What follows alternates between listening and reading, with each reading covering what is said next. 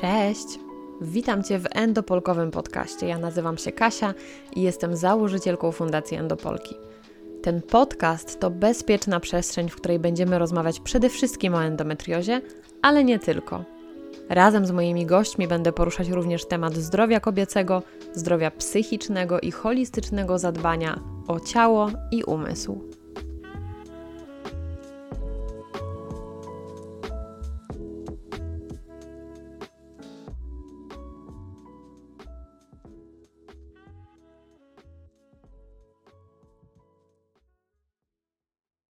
Długo zastanawiałam się nad tym, jakimi słowami powinnam zacząć ten podcast, i to, co przychodzi mi na myśl w pierwszej chwili, to oczywiście Dzień dobry, Endopolki. Jednak pomyślałam, że tych odcinków będą słuchać nie tylko kobiety z endometriozą, ale również, a przynajmniej mam taką nadzieję, osoby, które chcą zwiększyć swoją świadomość endometriozy i wiedzę na jej temat, i że będą to pewnie osoby, które w swoim najbliższym gronie mają kobietę, która z tą chorobą funkcjonuje na co dzień. Dlatego rozpoczynając ten odcinek jeszcze raz, tym razem poprawnie, dzień dobry wszystkim, którzy znaleźli czas i chęć, by posłuchać pierwszego odcinka podcastu Endopolki, a dzisiaj porozmawiamy o tym, czym właściwie jest endometrioza. Słowo coraz bardziej popularne, pojawia się coraz częściej w mediach. Osoby publiczne przyznają się do tego, że żyją z tą chorobą, ale czy nasze społeczeństwo naprawdę już wie, czym jest endometrioza? Mam pewne wątpliwości, szczególnie patrząc na cały zestaw mitów o endometriozie, które dalej krążą po internecie, żeby tylko po internecie. Niestety, dalej są powielane w gabinetach lekarskich, co pozwólcie, że skomentuję tylko jednym słowem: karygodne. I właśnie dlatego, między innymi, postanowiłam stworzyć ten podcast, żeby móc rozprawiać się z tymi mitami, choć trochę wyjść naprzeciw temu, co czasami słyszymy o endometriozie, a jest niestety dalekie od prawdy. Szerzenie świadomości chorób, które jeszcze do niedawna nie były nam znane, wydają się nawet lekko podejrzane, szczególnie osobom, które nie doświadczają ich drapieżnych obliczy, w związku z czym nie rozumieją, co tak naprawdę przechodzą i z czym mierzą się na co dzień do Polki.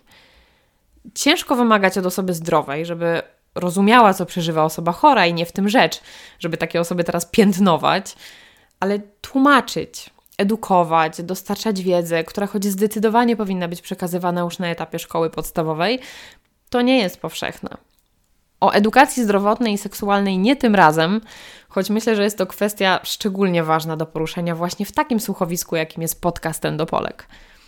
Doskonale wiem i nie jestem w tym jedyna, że mamy do odrobienia naprawdę solidną lekcję. Zdaję sobie sprawę z tego, jak trudno jest zaciekawić kogoś tematem choroby, ale biorąc pod uwagę dwie kwestie: jej powszechność to raz, a dwa, odpowiedzialność, jaką czuję na sobie od momentu założenia Fundacji Endopolki, ktoś się musi tym zająć i powoli zacząć zmieniać świat, w którym ból przekraczający wszelkie granice normalności jest tolerowany, bagatelizowany, a kobiety, które go doświadczają, odbijają się od drzwi do drzwi gabinetów lekarskich, słysząc, że są histeryczkami i hipochondryczkami. Nie chcę nawet wchodzić tak głęboko w kwestię moralności i tego, jak lekarz może być tak głuchy na to, co mówi do niego pacjent i tak znieczulony na jego ból. Przecież każdy ból jest prawdziwy. Niezależnie od tego, jaka jest jego przyczyna i gdzie leży problem, sęk w tym, że trzeba mieć chociaż minimalną chęć w tym, żeby z tym pacjentem współpracować i znaleźć ten problem, szukać odpowiedniego rozwiązania, by człowiek, który przychodzi do gabinetu, mógł poczuć się nareszcie wysłuchany, zaopiekowany i mógł zacząć żyć nie tylko tymi chorobami i bólem, ale w takim pełnym zrozumieniu, co się z nim dzieje i poczuciu, że razem z tym lekarzem robi wszystko, by czuć się lepiej, Mówimy o takim poczuciu sprawczości. Czy to jest wiele? Nie wydaje mi się. Czy znam lekarzy, którzy właśnie w ten sposób podchodzą do swojej pracy i tym samym do osób, które przekraczają próg ich gabinetu? Owszem. I zapewniam Was, że ci lekarze będą pojawiać się w tym podcaście i z przyjemnością z nimi porozmawiam, dając Wam naprawdę grubą dawkę wiedzy. Strasznie wkręciłam się w ten wątek lekarski, ale wydawał mi się naprawdę kluczowy, a nie jest jedyny, a raczej nie jest jedynym powodem, dla którego ten podcast zaczyna istnieć. Środowisko medyczne, o ironio, nie jest też jedynym środowiskiem, w którym kobiety z endometriozą nie znajdują zrozumienia. I tak jak w tym pierwszym przypadku, powinno to być oczywiste, że szukając pomocy udajemy się do lekarza i ją utrzymujemy. Tak na przykład w środowisku rodziny, przyjaciół jesteśmy dużo bardziej osamotnione z chorobą, która jest, nie bójmy się tego tak nazwać, towarzyszką naszego życia. Osoby, choć nam bliskie i nie neguję, że darzą nas silnymi emocjami, chcą dla nas zawsze dobrze, chcą nam pomóc, doradzają, nie mają niestety prawa wiedzieć, co czujemy, dopóki nie są też endopolkami. Wydaje się to nawet całkiem logiczne, ale jednak wymaga chwili wyjaśnienia. Wiem, że ta choroba może brzmieć dość tajemniczo, a ból, który pojawia się cyklicznie lub wręcz odwrotnie pojawia się w najmniej oczekiwanym momencie, jest po prostu nie do wyobrażenia. Ale zapewniam każdą osobę bliską kobiecie z endometriozą, która teraz słucha tego odcinka, że ten ból nie jest zmyślony. Wasza córka, siostra, partnerka, przyjaciółka naprawdę cierpi. Nie wymyśla, nie wydziwia, nie próbuje zwrócić na siebie uwagi, nie ucieka od obowiązków, nie jest leniwa, atencyjna, wybrakowana, jest po prostu chora na endometriozę. I nie jest w tym jedyna, bo mamy w Polsce naprawdę fantastyczną społeczność endopolek, które potrafią okazywać sobie wzajemnie ogromne zrozumienie, wrażliwość, czułość, wspierać się w takich momentach naprawdę trudnych ale i wymieniać radami dotyczącymi tego, który lekarz jest naprawdę specjalistą w leczeniu endo, jaki posiłek będzie bombą przeciwzapalną, gdzie kupić chleb bezglutenowy czy rajstopy nieuciskające bolącego brzucha. Naprawdę, myślę, że wiele osób by się zdziwiło, jak świadome są te kobiety. Świadome swojej choroby, ale też życia z tą chorobą, radzenia sobie z jej obliczami. I możecie mi wierzyć, jest to naprawdę bardzo nieprzewidywalna i podstępna choroba, która została uznana za jedną z 20 najbardziej bolesnych chorób świata. A poziom bólu porównywalny jest do bólu porodowego czy tego, który pojawia się u pacjentów chorych na nowotwór. Kończąc ten trochę przydługi wstęp do pierwszego odcinka, chciałabym podkreślić, że o endometriozie naprawdę warto wiedzieć. Skoro statystycznie co dziesiąta Polka na nią choruje, to odpowiedzcie sobie teraz na pytanie, jak duża jest szansa, że znacie jedną z nich może ze szkoły, pracy, najbliższego grona przyjaciół. Zróbmy taki eksperyment. Każdy z Was sprawdzi teraz liczbę kobiet, które ma w znajomych na Facebooku. Podzieli tę liczbę przez 10 i zobaczy, jak wiele z nich może właśnie należeć do grona endopolek. Nie namawiam. To przecież tylko statystyki. Dobrze, przejdźmy do pierwszej części tego odcinka, czyli do faktów o endometriozie. Dane, które będę przytaczać, będą bardzo często zaczerpnięte z wytycznych dotyczących endometriozy Europejskiego Towarzystwa Rozrodu Człowieka i Embriologii z 2022 roku, mm, jak i również naszego pierwszego fundacyjnego e-booka holistycznie o endo w zgodzie z ciałem i umysłem, który można dalej pobrać bezpłatnie ze strony fundacji, do czego też Was oczywiście bardzo, bardzo mocno zachęcam. Endometrioza jest chorobą przewlekłą, na którą choruje co najmniej 190 milionów kobiet na świecie. W Polsce z endometriozą żyje ponad 2 miliony kobiet. I zatrzymajmy się tutaj na chwilę. To są statystyki. Patrząc jednak na również statystyczny czas diagnozy, czyli 8-12 lat, w moim przypadku to było 13 lat, możemy potraktować te dane z lekkim przymrużeniem oka. Nie chciałabym ich oczywiście podważać, ale ponad dwuletnia działalność endopolek i setki, jak nie tysiące rozmów z kobietami pokazały mi dość mocno, że jest nas znacznie więcej, o czym powoli zaczynają mówić lekarze specjalizujący się w tej chorobie. Tak jak wspomniałam, endometrioza jest przewlekłą, tym samym nieuleczalną chorobą o podłożu hormonalno-immunologicznym. Polega ona na tym, że endometrium, czyli tkanka, która fizjologicznie powinna znajdować się w jamie macicy, przypadku endometriozy występuje również w innych miejscach poza macicą. Najczęściej endometrioza zlokalizowana jest w miednicy mniejszej oraz jamie brzusznej, czyli właśnie macica, jajowody, jajniki, pęcherz moczowy, jelita. I tu nie koniec. Można ją znaleźć także w dużo bardziej odległych miejscach, takich jak wątroba, żołądek, przepona, a nawet płuca, mózg czy oko. I tutaj teraz pojawia się pytanie, z czym najbardziej nam się kojarzy endometrioza? Myślę, że nawet osoba, która słyszała o tej chorobie powiedzmy niewiele, wie, że z ogromnym bólem i podkreślam, ogromnym bólem. Ale czy zawsze? Nie, ale o tym również będzie w kontekście mitów. To, co jest bardzo charakterystyczne, to że ten ból, ale również inne dolegliwości pojawiały się głównie w okresie okołomenstruacyjnym. Jednak im dłużej ta choroba trwa, i nie jest leczona prawidłowo, tym bardziej dolegliwości mogą się nasilać, a także pojawiać w innych dniach cyklu menstruacyjnego pomiędzy miesiączkami, prowadząc w konsekwencji do życia w permanentnym bólu.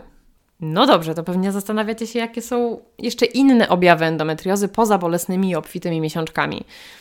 Jest ich naprawdę bardzo dużo. Postaram się opowiedzieć e, o tych, które się pojawiają jednak najczęściej. I są to bóle owulacyjne, dolegliwości ze strony pęcherza, bolesne wypróżnienia i ogólnie szereg dolegliwości ze strony układu pokarmowego, takie jak biegunki, zaparcia, wzdęcie brzucha, czyli tak zwany endobeli. I o tym jestem prawie przekonana, że naprawdę większość kobiet z endometriozą wie, czym jest endobeli.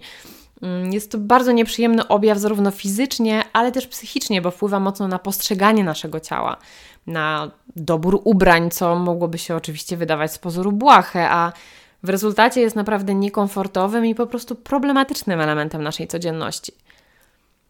Na pewno warto wspomnieć jeszcze o bolesnym współżyciu, to też jest częsty objaw i to nie musi być wcale wulwodynia. Mm, nieregularne cykle menstruacyjne, krwawienia, migreny, bóle piersi i takie mniej specyficzne objawy, których nie łączymy w pierwszej kolejności z endometriozą, czyli na przykład chroniczne zmęczenie, bóle odcinka lędźwiowego, krzyżowego, bóle nóg, bóle w klatce piersiowej, a nawet odmy w czasie miesiączki i to się pojawia w przypadku endometriozy płuc. Mogą to być również stany lękowe, mgła mózgowa, czy kolejny ważny punkt problemy z zajściem w ciążę. I to, co musi wybrzmieć w tym odcinku, to że endometrioza jest jedną z częstszych przyczyn niepłodności. Co mówią statystyki? Około 30 do 50% kobiet chorujących na endometriozę boryka się z niepłodnością, a nawet 50% kobiet, które zmagają się z niepłodnością, ma endometriozę. Warto dodać, że część kobiet otrzymuje poprawną diagnozę dopiero w momencie, gdy zaczyna się starać o dziecko i coś nie wychodzi. I pewnie jak tak mnie słuchacie od ponad 10 minut, to część z Was myśli sobie, no świetnie. Opowiada o endometriozie, jej objawach, czyli po części o tym, z czym zmagają się kobiety na co dzień, ale nawet nie zaczęła od tego, jak powstaje endometrioza, skąd ona się bierze. Otóż, drodzy Państwo, nie znam odpowiedzi na to pytanie. I nie tylko ja, bo cały świat się nad tym głowi i bada temat na razie bez jednoznacznej odpowiedzi. To, co jednak wiemy na ten moment, to że do rozwoju endometriozy przyczynia się kilka, może nawet kilkanaście czynników. Takich jak na przykład genetyka, epigenetyka, czynniki środowiskowe, czyli przetworzona żywność, wszelkiego rodzaju toksyny, a nawet stres i zaburzenia snu, problemy z układem immunologicznym, dysbioza jelitowa, czyli zaburzenia flory bakteryjnej jelit, zaburzenia hormonalne, i tutaj głównie mówimy o dominacji estrogenowej, oraz chyba nie skłamię, jak powiem, najbardziej powszechna teoria, jaką jest wsteczna menstruacja. Czyli odpływ krwi z macicy poprzez jajowody do jamy otrzewnowej, co sprawia, że komórki endometrium, czyli tej tkanki, zamiast zostać wydalone, zagnieżdżają się właśnie w obrębie jamy brzusznej i miednicy. Swoją drogą marzy mi się taki moment w czasie tworzenia tego podcastu, niezależnie od tego oczywiście, ile on będzie trwał, że w jednym z odcinków będę mogła w końcu odpowiedzieć Wam na to pytanie, jak powstaje endometrioza. Niestety to się nie wydarzy dzisiaj. Ok, wstępny zarys jest. Pokrótce opowiedziałam i mam nadzieję rozjaśniłam chociaż trochę, co się kryje pod nazwą endometrioza, czym jest ta choroba, jakich organów może dotyczyć i na jakie objawy warto zwrócić uwagę. Więc przejdźmy teraz płynnie do tego, czym endometrioza zdecydowanie nie jest. Popularne, powielane mity. I może zacznijmy od tego. Endometrioza to tylko bolesny okres. Bardzo, ale to bardzo chciałabym w to wierzyć. Mamy to już jednak wyjaśnione, przynajmniej mam taką nadzieję.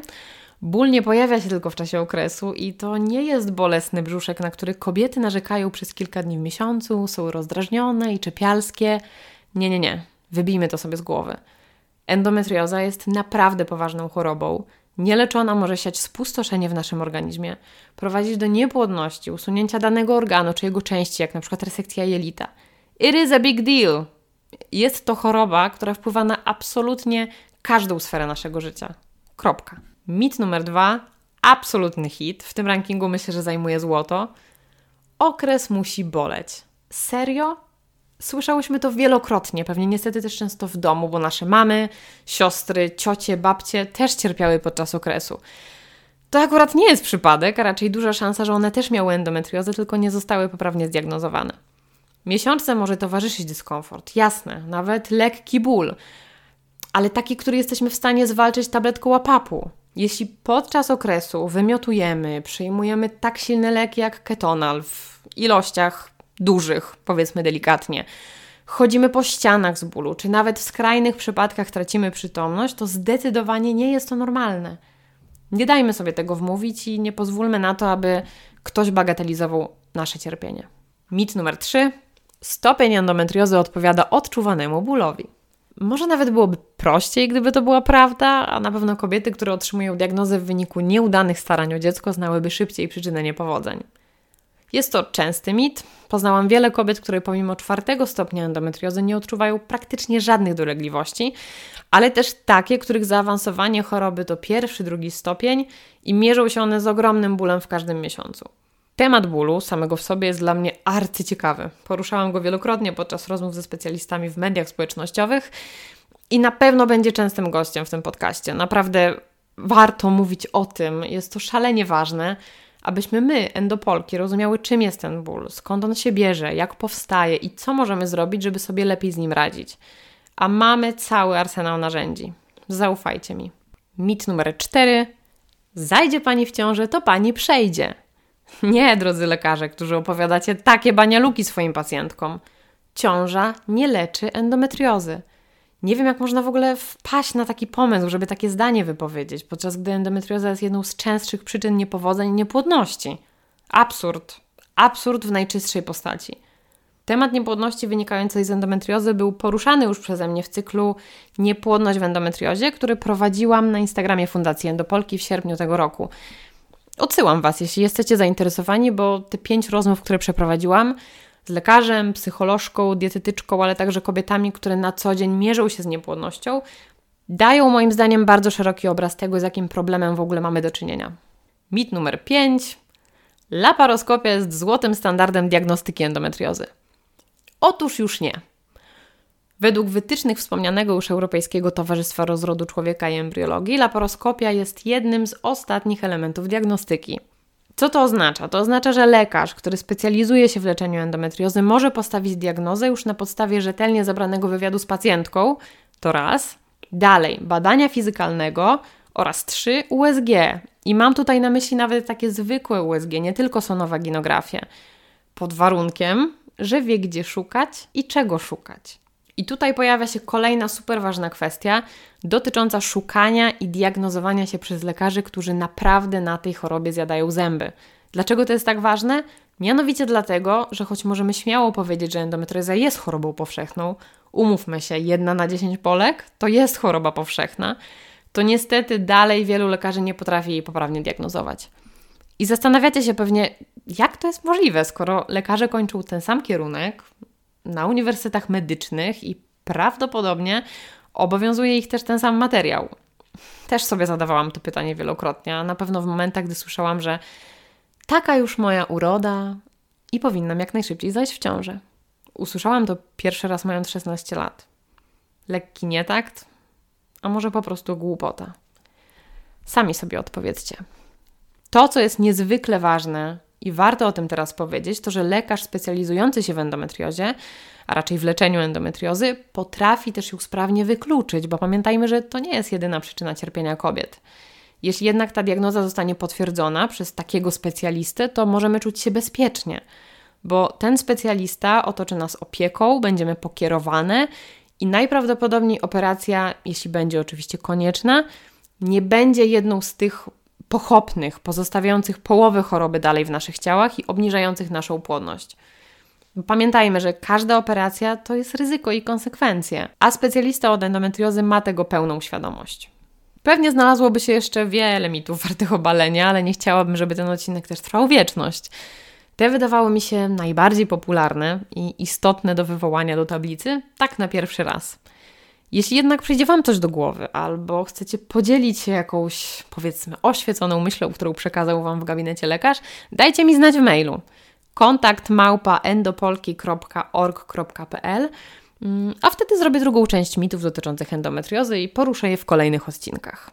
Na dzisiaj to już będzie koniec. Myślę, że jak na pierwszy odcinek to jest to idealna dawka wiedzy do przyswojenia i nie przytłoczenia, bo chociaż staram się nie dramatyzować, gdy mówię o endometriozie, to umówmy się, jest to temat, który do najprzyjemniejszych na świecie nie należy. Ale zdecydowanie warto o niej wiedzieć. Dziękuję każdej endopolce, która przesłuchała tego odcinka, ale też każdej osobie, która zechciała poszerzyć swoją wiedzę dzisiaj. Mam nadzieję, że spełniłam Wasze oczekiwania, przynajmniej po części, i że świadomość endometriozy w społeczeństwie będzie rosła. Pamiętajcie, że działamy razem, bo tylko wspólne działania mają moc. Wracam do Was w kolejną środę i w drugim odcinku będę opowiadać o tym, co robić, gdy otrzymujemy diagnozę endometriozy. Ściskam Was mocno. Pa! Jest mi bardzo miło, że zechciałaś, zechciałeś spędzić swój czas słuchając tego odcinka. Jeśli treści przekazywane w tym podcaście są dla Ciebie ważne, zachęcam do przestrzeni Patronite, gdzie możesz wesprzeć Fundację Endopolki. A jeśli o wsparciu mowa, to z tego miejsca chciałabym ogromnie podziękować patronkom i patronom fundacji, dzięki którym powstał ten podcast. Mam nadzieję, że czujecie się jego częścią. Do usłyszenia za tydzień.